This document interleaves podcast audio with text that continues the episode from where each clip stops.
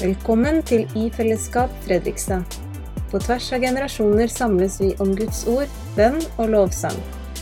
Du kan følge oss på sosiale medier eller nettsiden ifellesskap.no. I denne podkasten kan du lytte til andakter, samtaler og bibelundervisning fra vår menighet.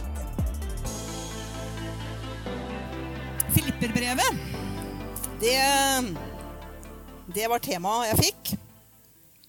Så jeg har lyst til å si litt om, eh, om Filippi først. Jeg regner med at alle har lest og studert på Filipperbrevet og kommentarer og har alt soleklart nå. Eh, Filippi, en by i Makedonia, grunnlagt ja, nesten 400 år eh, før Kristus. 368. Det er så mange skriftlærere her, så jeg må være litt eh, eksakt. Det var far til Aleksander den store. Det er, liksom, det er, et navn jeg husker fra historien. hvert fall. Alexander den store faren hans, som da i 368 før Jesu fødsel grunnla denne byen. Han het Philip, og byen da Filippi. Men da hadde allerede vært en by der, så denne Filippi som vi møter i Bibelen, den er grunnlagt på en enda eldre by. Etter 200 år så ble det en romersk koloni i det store romerske riket. Så 300 veteransoldater ble sendt fra Roma helt opp til Makedonia for å holde ro og orden og, og styr på, disse, på, en av disse romerske koloniene. da, Med ektefelle og barn.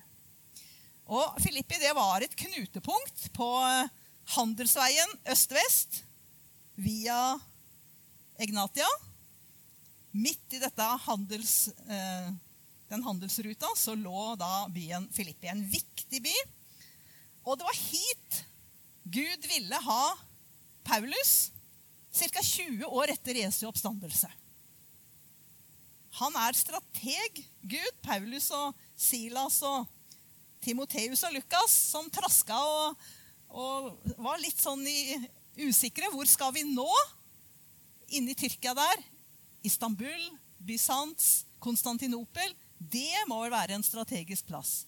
Og så husker dere hvordan det var når vi leser apostlenes gjerninger kapittel 16, hvor vi leser om deres opphold i Filippi. At de så det her synet med mannen som sa 'Kom over til Makedonia og hjelp oss'. Og så havna de i Makedonia, eller i Filippi. Og så er det jo da litt eh, betegnende å lese akkurat det som står, hva de anklages for, ganske kjapt. De har møtt Lydia, og de har møtt denne slavejenta som hadde en spådomsånd. Og så står det da i Apostlenes gjerninger 16, 20. De ble ført fram for styresmennene, og disse sa:" Disse menn skaper stor uro i vår by. De er jøder. Da var disse eh, veteransoldatene på hogget. De gjorde oppgaven sin. Nå har vi fått besøk her av noen jøder, og de skaper uro i vår by. Så de gjorde egentlig bare jobben sin og de fikk med seg folkemengden. Folkemengden reiste seg også imot dem. Styresmennene rev klærne av dem og lot dem hudstryke. Og da de hadde gitt dem mange slag, kastet de dem i fengsel og befalte fangevokteren å passe godt på dem. Det er egentlig tre enheter som er sentrale i eh, denne teksten i Apostlenes gjerninger kapittel 16 i Filippi det er Lydia, den eh, handelsfyrsten, kan vi kanskje, kanskje si. Ei dame fra Asia som var høyt på rangstigen. Og så er det den her greske slavinnen. Og så er det den romerske fangevokteren. Disse tre personene er sentrale i Filippi. Ei fra Asia, ei fra, som var greker, og en romersk soldat. De tre møter vi spesielt i Filippi. Og de var sikkert en del av denne første menigheten i Lydias hus. Og det viser vel noe av hvordan Jesus er inkluderende. Ei på toppen av rangstigen, og ei på bånn som ikke hadde noen rettigheter, og som egentlig var et levende redskap. Og middelklassen, den romerske soldaten. Nå ble de helt likestilt en menighet, eller det tente så fint lys i fellesskapshuset her, i dette fellesskapet. Og så sies det at Paulus hadde et helt spesielt forhold, et sterkt forhold, mye sterkere enn til noen annen menighet, til menigheten i Filippi. Menigheten i Filippi de hadde en kjempeomsorg for uh, Paulus. Han uh, fikk jo ganske røff behandling her. Han reiste videre til Tessaloniki. Og allerede da sender de nye kristne i Filippi penger til Paulus i Tessaloniki for at han skal få hjelp. Kollekt. De hadde vel ikke VIPS, men de sendte en person med noe cash til Paulus og um, Timoteus, som da reiste videre. Og Så reiser han ned til Aten, kommer ned til Korint. Her har vi vært i Reidun på tur. Ja. Og jammen kommer det en ny gave helt nede i Korint. De fulgte opp de nye kristne der oppe i Filippi. Og så anka jo etter hvert Paulus sin sak. Han møtte jo mye motstand. Han anka sin sak til keiseren i Roma. Han ble sendt dit. Og mens han sitter i en slags husarrest, antagelig da, i Roma, så kommer jammen en fra menigheten i Filippi helt ned til Roma også. Med en pengegave. Snakk om å, å være medarbeider og stå med misjonæren Paulus. Og Så sitter da Paulus der nede, tar imot gaven. Og ikke bare penger, men faktisk Epafroditus, en mann fra menigheten i Filippi. De sa, 'Kan du være litt sammen med Paulus i Roma?' 'Kan du være en medarbeider og ta vare på han og, og støtte han?' Ja, ja. Epafroditus, han ville gjerne det.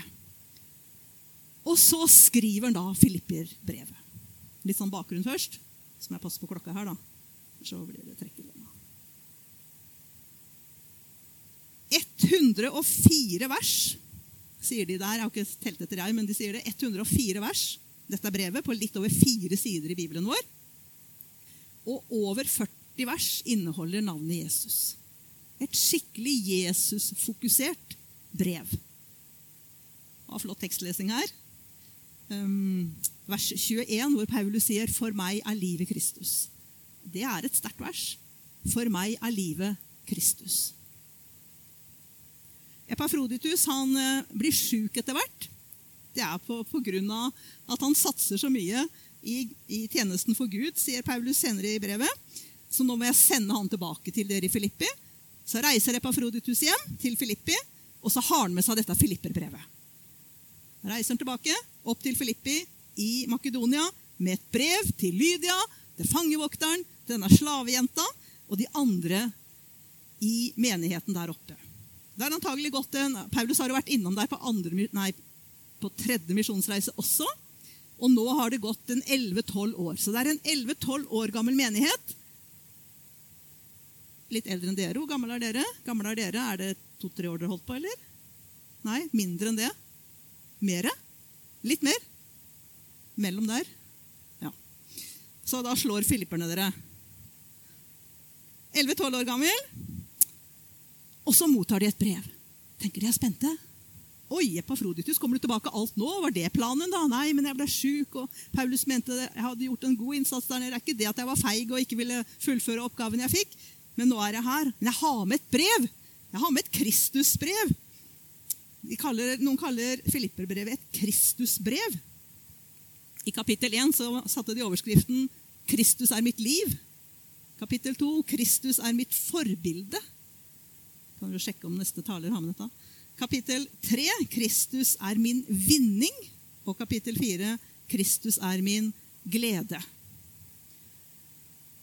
Ja, det er ikke så ofte vi får brev. Nå er det bare mailer og SMS-er og ikke det? Men her var det et, et skrevet brev. Og så kan vi bla opp i Bibelen vår, og så finner vi dette, dette brevet, som egentlig da er et brev, et ord fra Gud, til vår menighet også. Til deg og meg. Så er det jo veldig kjekt. Jeg vet ikke om det er, jeg og Reidun er jo litt eldre her, men det er mange ungdommer her. Ja, Jon og da, kanskje. Um, har dere nesten ikke fått et brev i posten, kanskje? men jeg har fått en del brev i posten. Og eh, hvis ikke du ser av håndskrifta, hvem er det fra, da? Ser du bakpå? Nei, står ikke noe avsender. Poststempelet kan hjelpe deg litt. Nei, klarte ikke å tolke det heller. Og så disse breva fra ungdommene som jeg fikk i gamle dager. da, så, åh, hvem er dette fra da? Og så begynner jeg jo helt nederst ikke sant, for å finne ut hvem har skrevet det. For det vil jeg gjerne vite før jeg begynner å lese. Så i Guds ord så er det veldig praktisk. Paulus og Timoteus starter det med. Paulus og Timoteus, det er vi som skriver. Og hvem er vi? Jo, Kristi Jesu tjenere. Identiteten. Jeg tilhører Jesus, skriver de. Jeg er egentlig ikke bare en tjener, men en trell. Tilhører Jesus helt og fullt. Jeg er elska så høyt. Jeg er kjøpt fri. Jeg skylder Kristus absolutt lydighet. Hvem er det til? Jo, til de hellige i Kristus Jesus som er i Filippi. Sammen med tilsynsmenn og menighetstjenere. Det er jo sterkt å bli kalt hellig. Men om et brev skulle vært sendt til dere, så ville det da stått 'til de hellige på Solbukta', som er i Kristus Jesus. Hellig, det er vel å være annerledes, da. Skilt ut, innvidd, tatt til side. En parallell til det Gud planla med israelsfolket. Han ville skille de ut fra alle andre nasjoner. Han ville demonstrere hvordan det er å leve med den eneste sanne, levende Gud. En kjærlig Gud, en hellig Gud, en nærværende Gud, en allmektig Gud.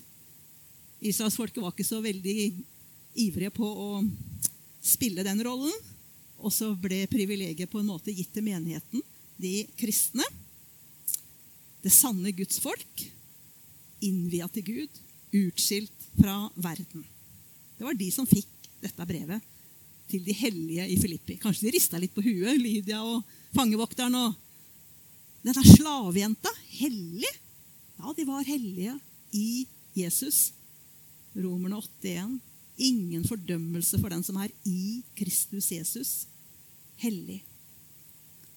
Som fuglen lever i, i lufta og fisken i vannet, og røttene i jorda, er vi i Kristus Jesus. Så er det en veldig fin hilsen som Paulus bruker i veldig mange brev. Nåde og fred. Nåde og fred. Tenk å starte brevet med det, da. Gjør vi det? Nåde og fred. Vi kunne jo starte mailene med det òg. Nåde og fred. Betyr jo ikke nødvendigvis fravær av problem å ha fred, men ha det godt. Ha det godt med Gud. Fred med Gud. Og dermed også fred med oss sjøl og med våre medmennesker. Ikke en fred som verden gir, sa Jesus, men min fred vil jeg gi dere. Og så hørte vi noen vers lest etterpå. Forbønn med glede jeg ber for dere Nå trenger vi kanskje ikke å lese alt, for nå har vi fått hørt det så fint. Og dere har, Noen har Bibelen nedsatt til og med. Bra. Men vers 3-8, da, det er egentlig et takkeemne.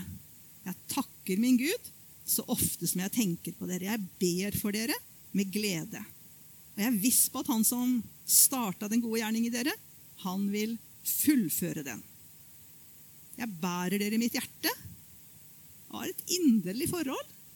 Er det sånn med oss? Bærer vi noen barn, vi òg, i våre hjerter, som vi har fått lov å, å lede til Jesus? Jeg forsvarer og stadfester evangeliet. Vi står sammen i nåden. Det er, det er eh, en flott setning. Det er det vi gjør i fellesskapet. Vi står sammen i nåden. Og så er det noen bønneemner fra vers 9 til 11, hvor Paulus han sier jeg ber om at dere får, bare må få mer og mer kunnskap, mer og mer innsikt, så dere kan dømme om hva som er rett. Vi skal ikke dømme hverandre, sier vi, men det står faktisk om at vi skal lære å dømme om hva som er rett. Og jeg ber om at dere må bære frukt produsert av Gud. Og Så fortsetter Paulus i, i vers 12 med å skrive noe om, om sitt liv. De er sikkert spente, men Ja, Så flott at han er glad for oss, at vi får stå sammen med han i nåden. At han takker Gud for oss. Og de formaningene, ja. Vi skal ta uh, de innover oss. Men hvordan er det egentlig med Paulus? Og det tenker sikkert Paulus også, at han må se å få skrevet noe om nå. Så i vers 12. Jeg vil at dere skal vite, brødre, at det som har hendt meg, heller har ført til framgang for evangeliet. Det er ganske sterkt sagt. Er det noen som har lest denne boka her? Jeg er en N. Nei, Da kan dere skrive dere på en liste. Så skal jeg skaffe den til dere. Den, den er obligatorisk. Forfulgte kristne som har sånn fokus på Jesus og hva ellers i livet er viktig. Og døden er en vinning. Det får jo dere høre etter hvert utover her i Filipperne. Men vi tenker er det mulig? Er det mulig å glede seg i Herren når jeg blir forfulgt, når jeg blir torturert og piska og slått fra morgen til kveld? Ikke bare sju dager, men 14 dager, i månedsvis. Skilt fra familien og vet at jeg kan dø når som helst. Og så skriver de så frimodig. Noen opplever at Gud legger hånda og en velsignelse imellom slag og kropp. Um, andre opplever det ikke. Men de får en sånn fred, og de får et sånn gudsnærvær som de ikke kunne tenke på forhånd. Og så holder de ut. Og så sitter Paulus i fengsel, og han har blitt slått mange ganger. Han har blitt torturert og mishandla så mange ganger. Og så sitter han nede i ja, litt mildt fangenskap i en slags husarrest med en vokter. da. Og så skriver han opp til de 11-12 år gamle kristne. Det er til framgang, dette her. Ja, ja, men det var jo egentlig sånn her i Filippi òg. Når Paulus og Silas satt torturert og skadd i fengselscella her, så ba de jo fortsatt til Gud, og de sang lovsanger. Og jeg husker, sa fangevokteren Og nå dikter jeg litt, da, men kanskje det var sånn. Jeg tenkte, hva slags gud er det de har? Som ikke bare vraker den guden når han sender de inn i et sånt fangehøl, så torturert. Er det noe Gud som er noe tess? Ja, Gud var så nær at de hadde trangt å synge lovsanger, prise Han. Og så står det 'fangene hørte på'. Og hva skjer når noen forteller om Jesus? Gjennom bønn, lovsang eller forkynnelse? Jo, da kommer troen. Der satt Filippis, i menneskelige øyne, største syndere inni de fangehøla der. Og der var Jesus gjennom Paulus og Silas, som har relasjonen og en åpen vei til Gud. Og de priser han og løfter han opp. Fangevokteren sa kanskje, 'Den lovsangen har jeg lyst til å være med i.'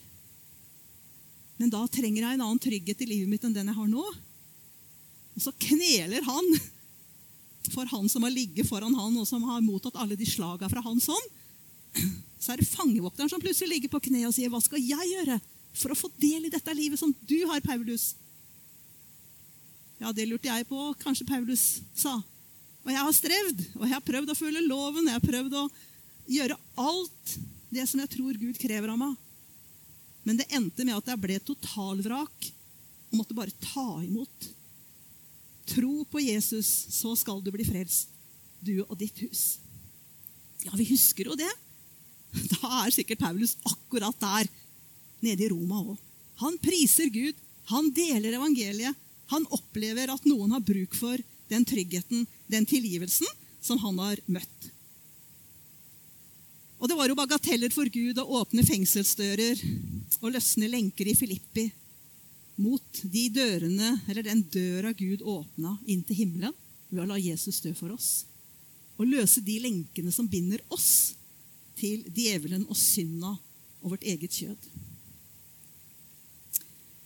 Fremgang, det ordet som er brukt for fremgang, det er noe sånn eh, Et rart ord, da. Jeg vet nesten ikke om jeg tør si det. Men prokoptein, et eller annet. Eller prokoptein. Svein Arne, du kan dette. Det er bare greit nok. Kutte ned på forhånd. Det er i, eh, i, i stridssammenheng.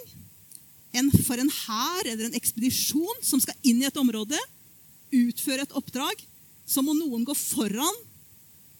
Leste jeg meg til, da. Jeg kan jo ikke dette her med militære jeg. Kutte ned noen, noe buskas, noen trær. Rydde vei. Sånn at ikke hæren blir forsinka i oppdraget sitt. Det at fengselsdørene var lokka, det var ikke noe stengsel for Paulus sin virksomhet. Han sier det har vært en framgang. Nå er jeg med å rydde vei for evangeliet, for å åpne opp områder som det ellers ville være vanskelig å nå inn til. Hæ? Kanskje de lurte litt. Hva betyr dette, da? Les mer. Ja. Kanskje det var Epafroditus som sto med dette brevet og leste videre. Ja, Han skriver det er nemlig blitt kjent for hele livvakten og for alle de andre at det er for Kristi skyld jeg er i lenker. Keiserens livgarde i Roma 16 000. De vet hvorfor Paulus sitter der. De vet om Jesus. Paulus sin fot var lenka til en soldats fot hele tida gjennom de to åra som han satt her i dette fangenskapet. Og Det var sikkert en turnusliste og en vaktordning.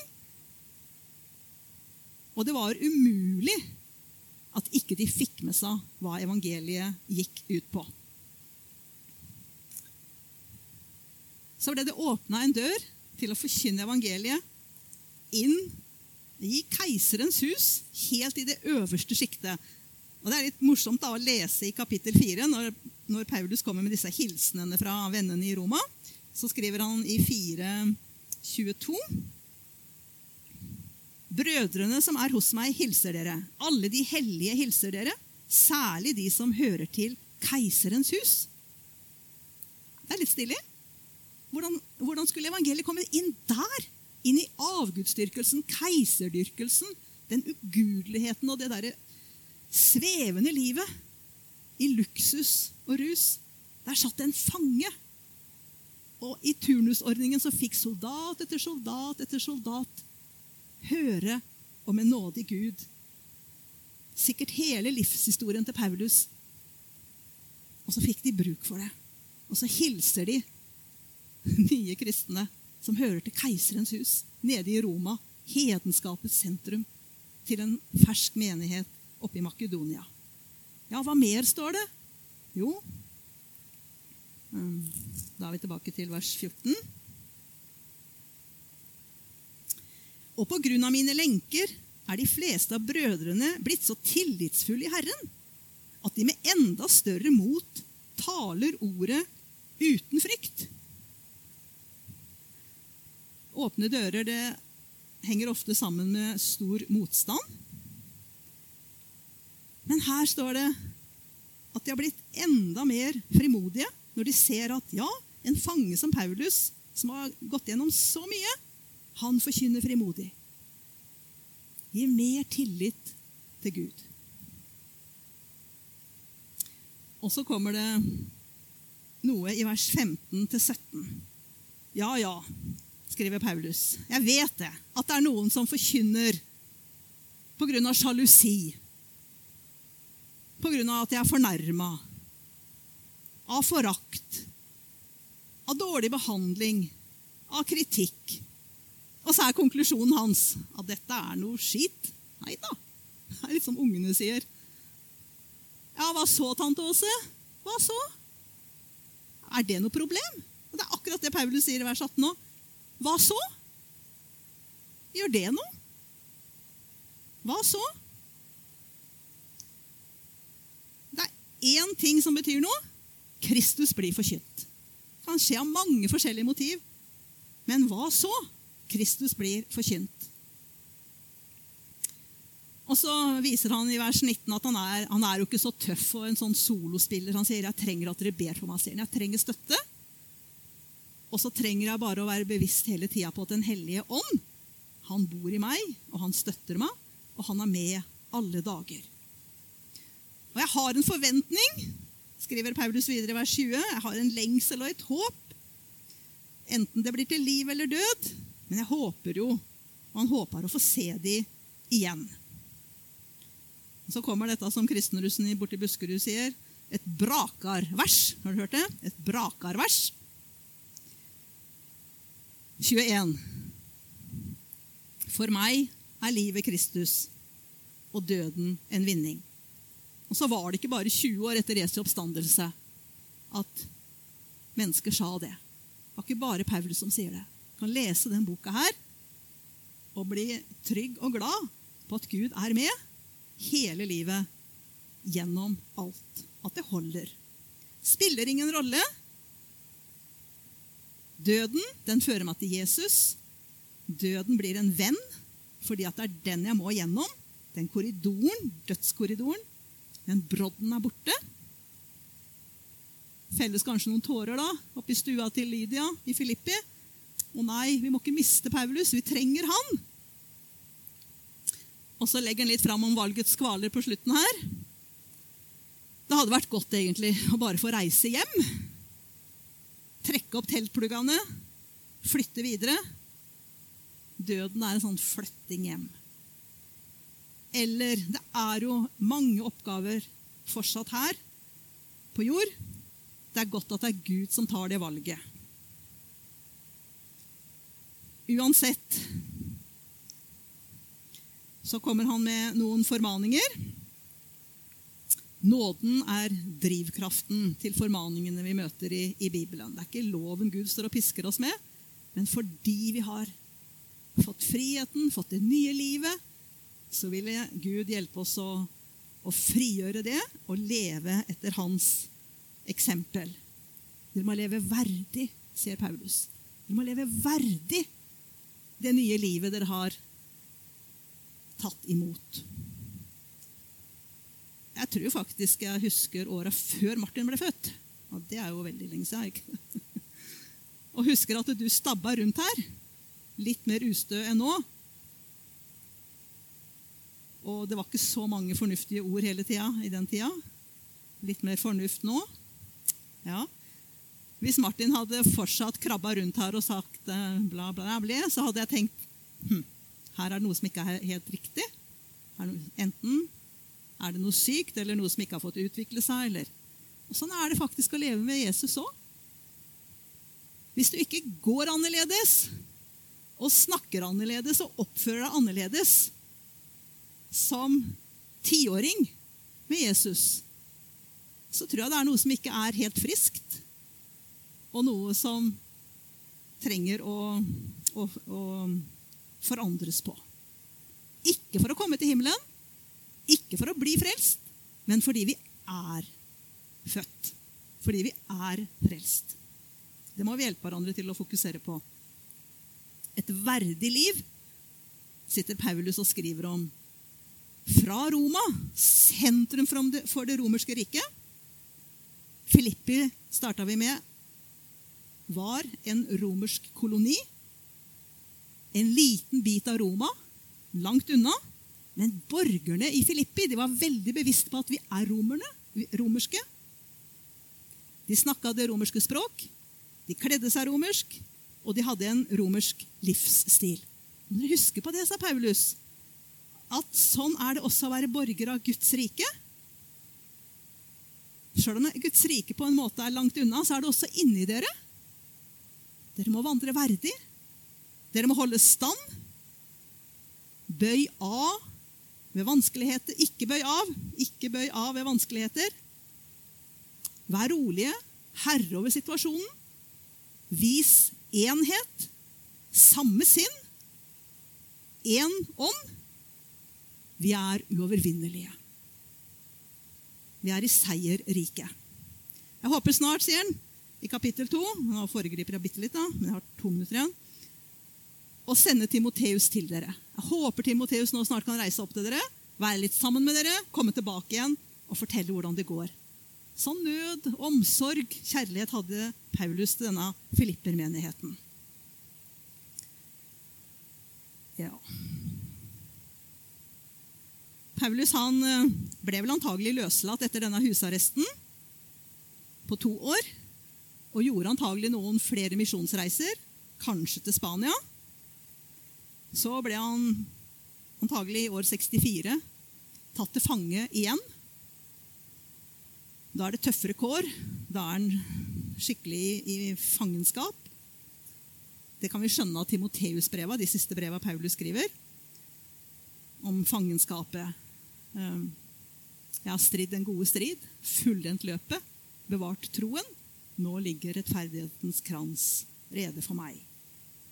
Og da sier vel egentlig historien at under keiser Nero i år 67 så fikk Paulus flytte hjem. Løpet var fullført. Hvis dere vil eh, studere mer på apostlenes gjerninger og Paulus sitt liv, så har jeg noen bra bøker som ligger på bordet bak der. Dere kan både vippse og få et kontonummer hvis dere har lyst til å kjøpe og ikke har noe penger igjen etter kollekten. Nei, dere bare vippser her. Og ikke glem denne her. Kjære Jesus. Takk for din frelse, nåde, tilgivelse.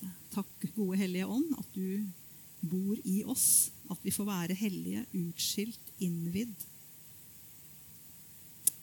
Dine tjenere og treller. Må du lære oss å snakke og oppføre oss og gå som, som kristne som er i vekst, Jesus. Og få vokse inn til deg, i deg, i din nåde. Og må du tenne oss på nytt med en iver etter å la noen høre hvem du er, og hva du tilbyr, sånn at de kan komme til himmelen og ikke gå fortapt, Jesus.